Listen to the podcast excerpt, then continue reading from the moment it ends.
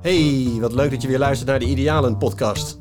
Wil jij net als wij de wereld een beetje mooier maken, maar weet je soms niet hoe en waar te beginnen?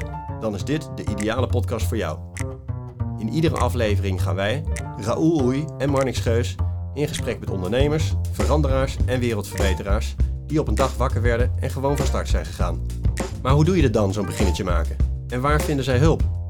Hoe werken ze zich uit de diepe dalen en drassige moerassen en durven ze ook los te laten en erop te vertrouwen dat idealen soms hun eigen leven gaan leiden en op miraculeuze wijze alsnog werkelijk worden.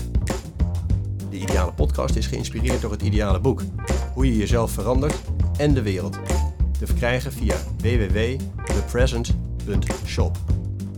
Mogen we je tutoyeren? Tuurlijk, tuurlijk. Ja? We waren stiekem Wel aan het doen, hè? Ja. Nou ja, zeg. Ja. Het enige verschil tussen ons is dat ik gewoon twee keer zo oud ben.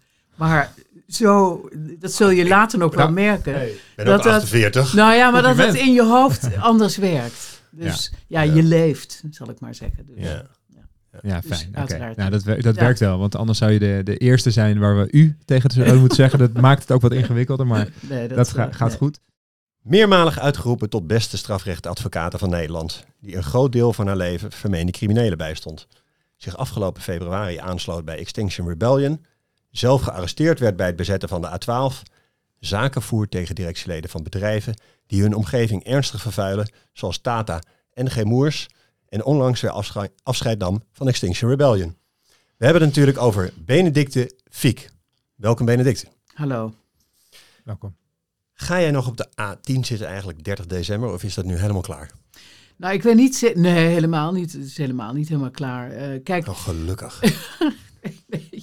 Nee, en ik wil ook nog zeker eens eh, heel uitgebreid in gesprek over van alles en nog wat. Wat het wel is, dat is dat ik ehm, eh, me heel erg wil inzetten voor het klimaat. Ja. En dat ik niet per definitie meegetrokken wil worden in een bepaalde sfeer over eh, of, of, of opvattingen over andere onderwerpen, omdat ik niet stelling in wil nemen over ehm, onderwerpen waarover ik me nog niet heb uitgesproken, waar ik wel een hele duidelijke mening over heb. Ja, ik bedoel, ja. die, eh, het is niet heel verwonderlijk, denk ik, eh, als ik vertel dat ik het, nou ja, hè, wat er in Gaza gebeurt, dat dat, ehm, ja, dat ik daar niet eens woorden voor heb van wat daar gebeurt. Maar eh, op de Klimaatmarsdag zelf eh, was de sfeer op het podium heel polariserend. Mensen liepen ook huilend weg. Heb dat ook gezien. Terwijl ik vind dat het onderwerp klimaat eh, heel, zich enorm zou moeten lenen voor een verenigd standpunt. Ja, niet politiek, hè? Je, je, Nee, je wil de, ja. depolitiseren, noem je dat? Ja, We moeten even context geven. Niet iedereen heeft dat mee- meegekregen. Mhm. Het, het was 12 november, nog geen twee weken geleden. mhm. In Amsterdam, de grootste klimaatmars eh, in, in de Nederlandse geschiedenis. Hè? met- Mhm. Met 85.000 deelnemers. ja, Ik was er ook met mijn vrouw en, en eh, drie van de vier kinderen. Op die prachtige dag hele mooie dag. van de Dam. Via Zonnig eh. Het Ja, zat allemaal mee. Hè? Muziek onderweg en eh, supporters. En eh, nou ja, geweldig. Via het Leidsplein naar, naar eh, Museumplein Ja. uiteindelijk. Ja, Daar het, het weer werd wat grimmiger en de stemming werd op een gegeven moment ook wat eh, ja grimmiger. zeker. Er was een dame op het podium eh, die eh, scandeer- scandeerde op een gegeven moment from the river to the sea. Mhm. Hè, dat is een Mhm. omstreden uitspraak. Een Mhm. Palestijnse dame die dat, eh, die dat deed. Mhm. En vervolgens... Nou ja, ik begrijp haar wel. ja, Ik bedoel, als ik, als ik, ik, ik begrijp haar standpunt heel goed. Maar ik denk dat op die dag iedereen, het, eh, iedereen voor het klimaat in Amsterdam met de klimaatmars eh, meeliep. En dat de wijze waarop dat gebeurde op, ehm, eh, op het podium, op het museumplein. Ja, dat. Het was gewoon de sfeer die daardoor omsloeg.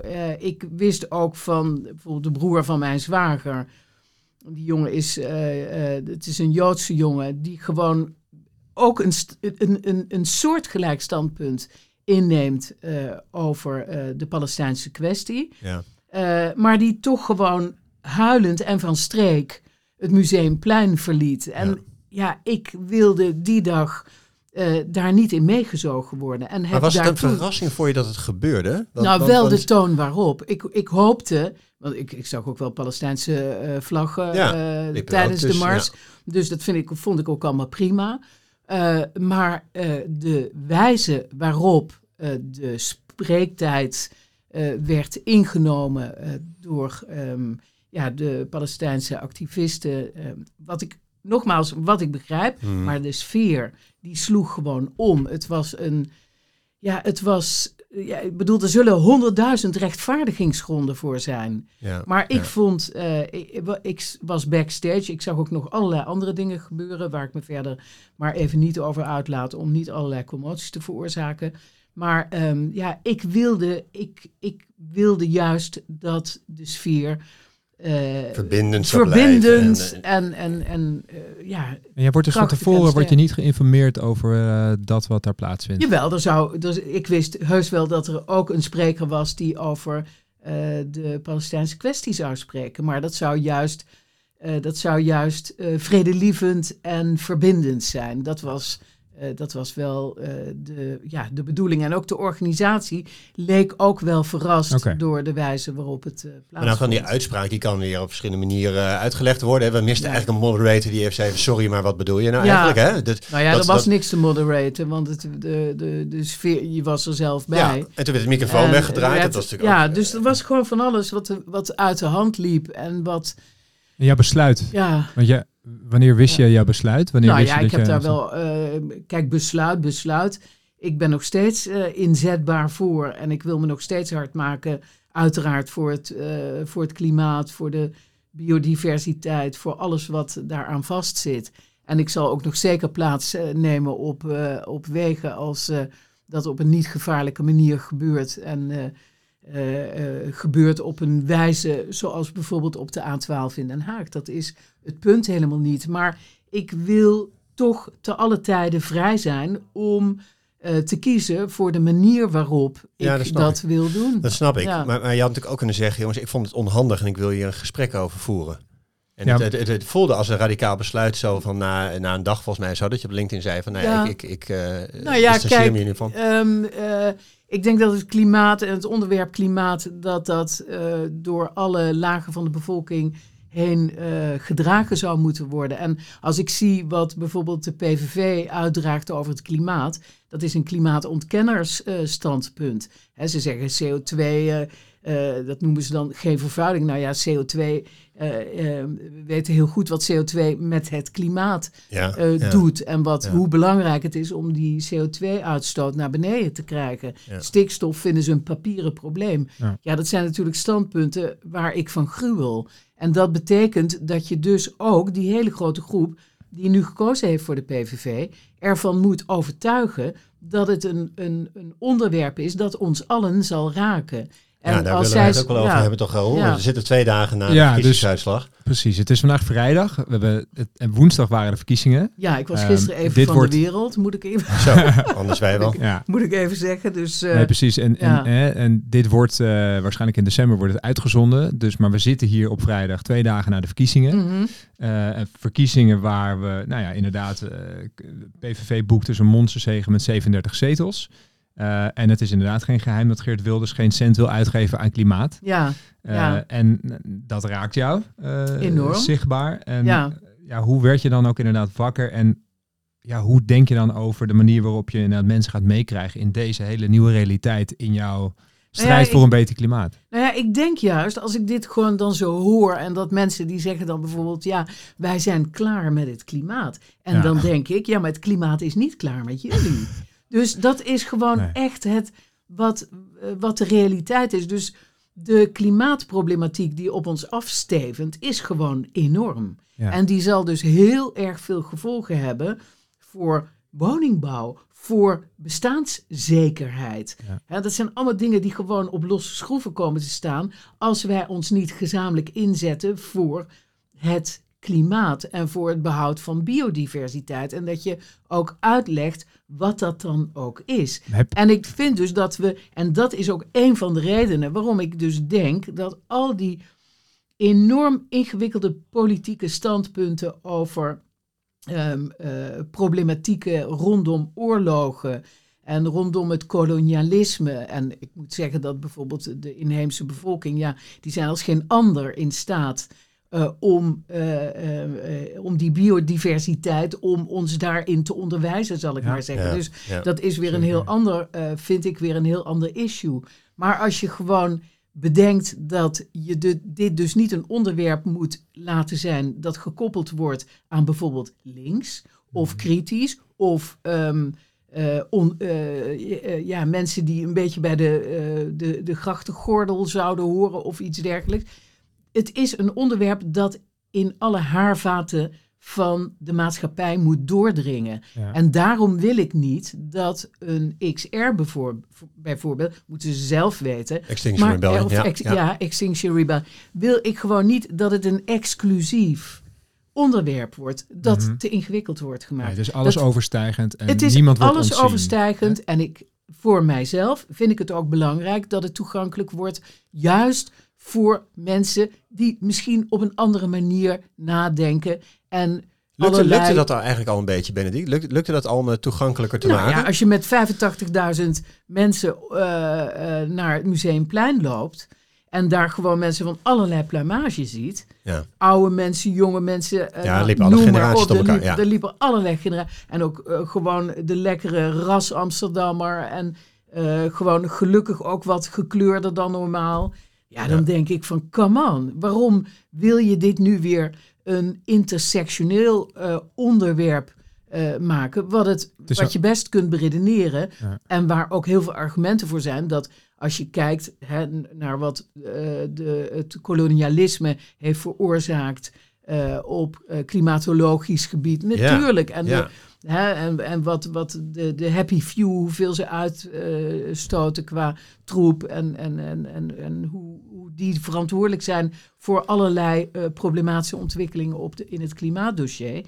Ja, dan begrijp ik allemaal wel, maar je moet het die boodschap gewoon simpeler Ja. eh, Het heeft houden. allemaal, het Ja, heeft allemaal de- vertakkingen natuurlijk Ja, met dat vind allerlei ik dus onderwerpen. super belangrijk. Maar wat is er eigenlijk Ja. gebeurd sinds, sinds Ja. die LinkedIn-post? Want jij zegt van, eh, het is niet zo dat nu met eh, dus 30 december op de A10, als daar een actie komt bij het uh, dat ik daar niet bij zou zijn. Nee, Als ik er niet... ben en, en, en, ik kan me, en ik kan me vinden in de wijze waarop dat wordt gedaan, dan ben ik daar gewoon bij. Ja, dus daar is niks in dus daar veranderd. is niks in veranderd. Maar Nee. ik vind wel dat de discussie moet worden gevoerd over het overbrengen van kennis en, ehm, en inzicht over wat het klimaatprobleem voor iedereen is. Hoe, Ja, eh, op wat voor manier communiceer je nu met eh, Extinction Rebellion en hoe kijken zij nu aan, eh, hoe kijken zij nu naar jouw standpunten? Hebben ze daar... Nou ja, ik, ik ben. ehm, eh, ik, ik had zijdelings contact met iemand die zei, die zei van nou, we gaan zeker met elkaar in gesprek. Dat, heeft, dat moment is nog niet geëffectueerd, dus dat moet nog plaatsvinden. Eh, en ook met de organisator, een van de organisatoren van eh, de Klimaatmars, hè, dat er binnenkort een gesprek plaatsvindt over hoe eh, er tegen aangekeken kan worden door diverse, door mensen die ja, daar net op een iets andere manier naar kijken. Maar ik vind het juist van wezenlijk belang dat partijen zoals de PVV, die zeggen dat, er, dat we geen klimaatprobleem hebben, dat ze daarmee klaar zijn en dat er geen geld naartoe moet en dat daar niet intens eh, op moet worden geïnvesteerd Ja. in allerlei opzichten, ook qua gedrag. Nou ja, ik, ik hoop toch een bijdrage te mogen leveren in het bereiken van eh, de mensen die bijvoorbeeld stemmen op de PVV. En ik vind het gewoon een gemiste kans en ook een gebrek aan verantwoordelijkheid als je dat gewoon niet doet. Ja. Dus ik heb daar wel heel, eh, heel erg standpunt over.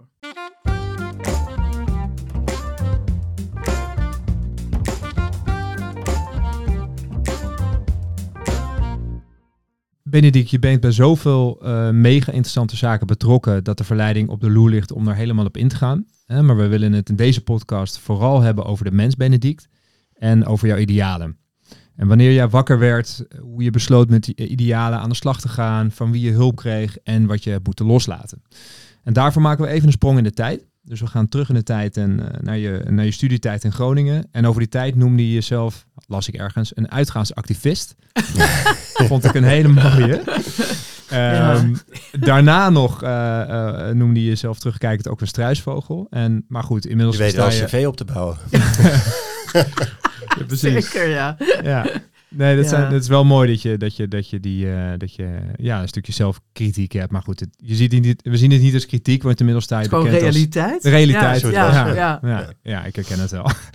Ehm, inmiddels sta je inderdaad bekend als klimaatactivist en ben je ongekend populair. En wanneer kwam bij jou dat wakker wordt moment van oké, nu, eh, nu ga ik in actie komen?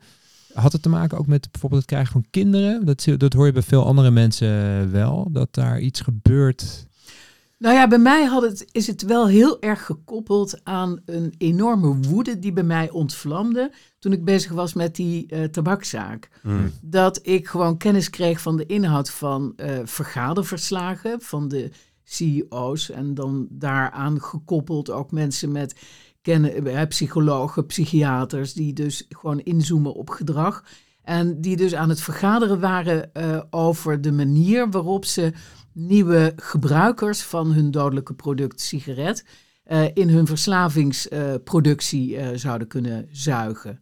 En ehm, nou, die, die verslagen, nou, die vond ik dus gewoon ja, totaal hallucinant om, om, dat, om daar kennis van te nemen. Dat dus mensen die gestudeerd hebben, die academisch gevormd zijn, die superrijk zijn, die alleen nog maar rijker willen worden, die geen enkele verantwoordelijkheid nemen met betrekking tot de gevolgen van hun onwaarschijnlijk verslavende product. En die alleen maar zitten te vergaderen over de vraag: hoe krijgen we nog meer mensen We trekken mensen die Verslaafd? Ja. Ja. hoe trekken we die mensen de fuik in? Hoe kunnen we nog rijker worden? En dat er gewoon in Nederland per week 385 mensen sterven aan de sigaret. Fuck them. Dat interesseert ons helemaal niks. Nou, dat vond ik zo onvoorstelbaar crimineel. Dat ik dacht, oh, ik wil jullie zo graag laten vervolgen door het Openbaar Ministerie. Dus ik heb Ja. toen, we hebben toen ook een aangiftezaak eh Dit was opgetuigd. 2016, hè? Ja, Was dat, was, dat is best wel al een tijdje geleden.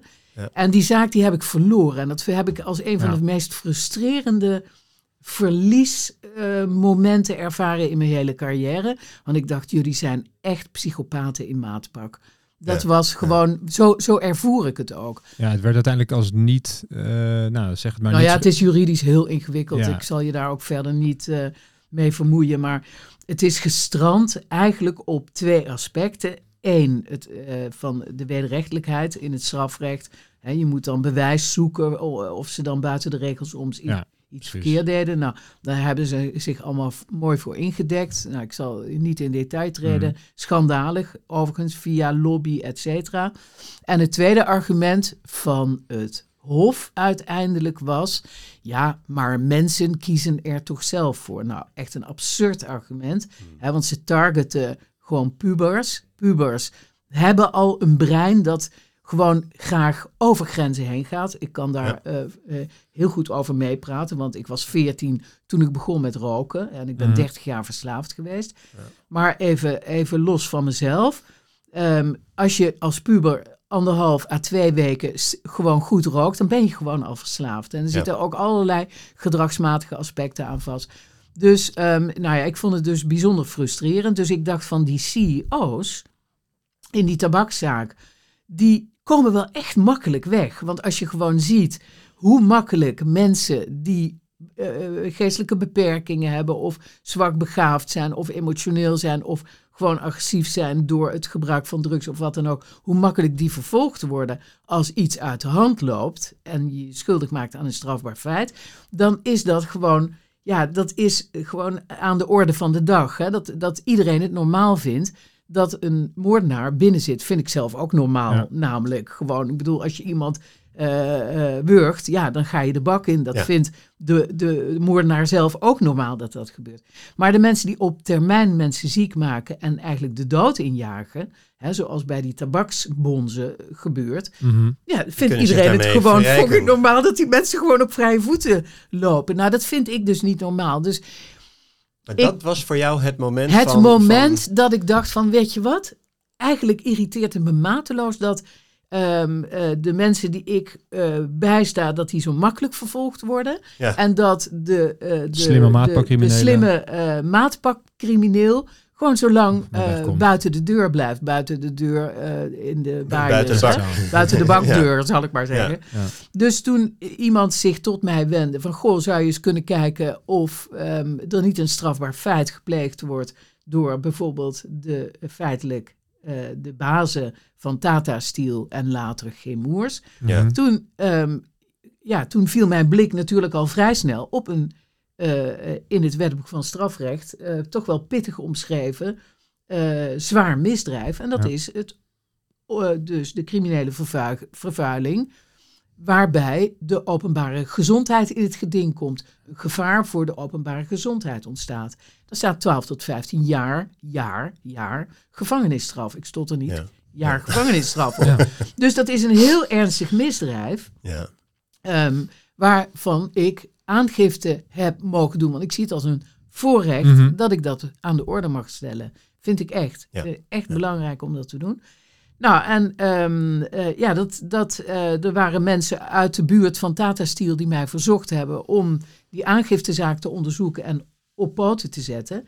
Ehm, eh, en ja, gezien het feit dat ik ook nog eens een keer gewoon denk van we zijn met z'n allen ons leven op deze aardkloot totaal aan het onmogelijk maken. Hè, want het is toch best wel jammer dat het al zo snel. jullie zijn, ja, jij bent echt jong, jij bent nog best wel, ook best wel jong. Oh, gelukkig. Ja. Hè, best wel fijn om dat te We, horen. zijn even, we zijn even oud hoor. Nee. Klets. Maar dat het, dat het natuurlijk gewoon voor de eh, verantwoordelijkheden die je hebt voor jongeren, hè, dat het gewoon absurd is dat dit zo naar de kloten giert. Ja. Nou, en daar wil ik gewoon wel een bijdrage aan leveren. Ja. En het, de, de, het klimaatactivisme is één eh, maniertje. Ja. Eh, maar het toegankelijk maken van het onderwerp, daarom kom ik ook bij jullie. Toegankelijk maken van het onderwerp klimaat is gewoon een feit, is een realiteit. Wordt onderschreven door 99,9% van de eh, wetenschappers. En is gewoon zichtbaar, voelbaar, ruikbaar. Het is gewoon onze realiteit waar we in zitten. En als wij zo onverantwoord met onze aarde blijven omgaan, worden we er gewoon afgekikt. Heel, Ja, heel ja, simpel. Ja, nee, zo is het. Jouw, jouw vuur is ook voelbaar en, en tastbaar. En, Oh, en, en- gelukkig en- maar, Ja, en, eh, en gelukkig maar. Dat rijmt ook. Ehm, eh, als we teruggaan naar toen jij je aansloot na jouw studie in, in eh, Groningen, toen ging je naar een Amsterdamse advocatenkantoor. Hè? Ja, Eh, zes jaar later stond je naam ook in het rijtje erbij. Nou, tegenwoordig heet het uh, Viek en Partners, hè? ja. dit kantoor. Maar Vind ik allemaal wat minder interessant. Hoor, dat vind je minder interessant. Maar dat is een periode waarin jij uh, nou, hele grote zaken betrokken was. Hè? Uh, onder andere Dino Soerel, de vermeende partner van Willem Holleder. Uh, Badde Harry. Uh, het zijn geen mensen die op de shortlist staan van de ideale podcast, laat ik zo zeggen. Dus is er een verband te leggen tussen de, tussen de verdediging van vermeende topcriminelen en het, en het idealisme en het vuur waar je het nu over hebt? Nou ja, dat verband is dus dat ik vind dat echte criminaliteit. Ik bedoel, als ik gewoon kijk aan de gemankeerdheid van de mogelijkheden die mensen soms hebben. als ze gewoon niet geleerd hebben om hun emoties op een andere manier dan met geweld op te lossen. Of als ze gewoon eh, zwak begaafd zijn, waardoor ze heel makkelijk beïnvloedbaar zijn. Gewoon het gemak waarmee deze mensen die ik ook met hart en ziel heb uh, bijgestaan in mijn rol als strafrechtenadvocaat. Uh, het gemak uh, waarmee ze gewoon ja, eigenlijk uit de maatschappij hè, verketterd worden en uit de maatschappij, buiten de maatschappij worden geplaatst. Terwijl de, in mijn visie, de echt georganiseerde criminelen van in, in, de, hè, in, in de multinationals die bezig zijn met de verwoesting van onze planeet. Die vaak alles mee hebben gehad in hun En die jeugd alles en, mee uh, hebben. Ze hebben ze, ze, hun wieg stond uh, in, in een blanke rijke buurt. Uh, of hun, de mogelijkheden die ze hadden om een studie te gaan oppakken. Nou, noem maar op. Ja. ja, dan denk ik, sorry, maar kijk eens even met een andere bril naar de mensen die onverantwoord omgaan met uh, de toekomst van onze kinderen. Ja, dat, dat vind je dus ja, heftiger. Maar dat ik vind hoor ik ook, veel heftiger. Ja, uh, en dat, het stuk daarvoor, dat, is, dat gaat dus ook over idealisme. Want, want, uh, nou ja, ik ben in de natuur opgegroeid. Dus ik bedoel, ik, ik ben opgegroeid in, in een gehucht. En ik, ik Limburg. ging in Limburg ging altijd op de fiets op en neer naar eh, school. Ik heb gewoon de natuur zien ja, verschralen. Gewoon arm zien worden. Dat ik dat het Als je gewoon, daar nu weer bent, bedoel als ik je? daar nu ook weer ben, dat ik gewoon ruik en voel wat er aan de hand is in die natuur. Hè? Dat, eh, dat ik in de zomer nauwelijks insecten tegenkwam. Dat de wespen weg waren. Dat ik de bijen nauwelijks zag. Dat ik bepaalde vogels niet meer hoorde. Dat de, de weilanden groen zijn. En dat mensen dan zeggen, oh wat mooi. Maar het is helemaal niet mooi. Want er is gewoon een groot gebrek aan biodiversiteit. Waardoor de ecosystemen gewoon beïnvloed worden. Maar dat zie je nu. Zag, zag je dat toen ook? Nou, dat Want heb ik, eh, ik heb dat natuurlijk ook gezien. En ik heb dat gewoon ook verdrongen.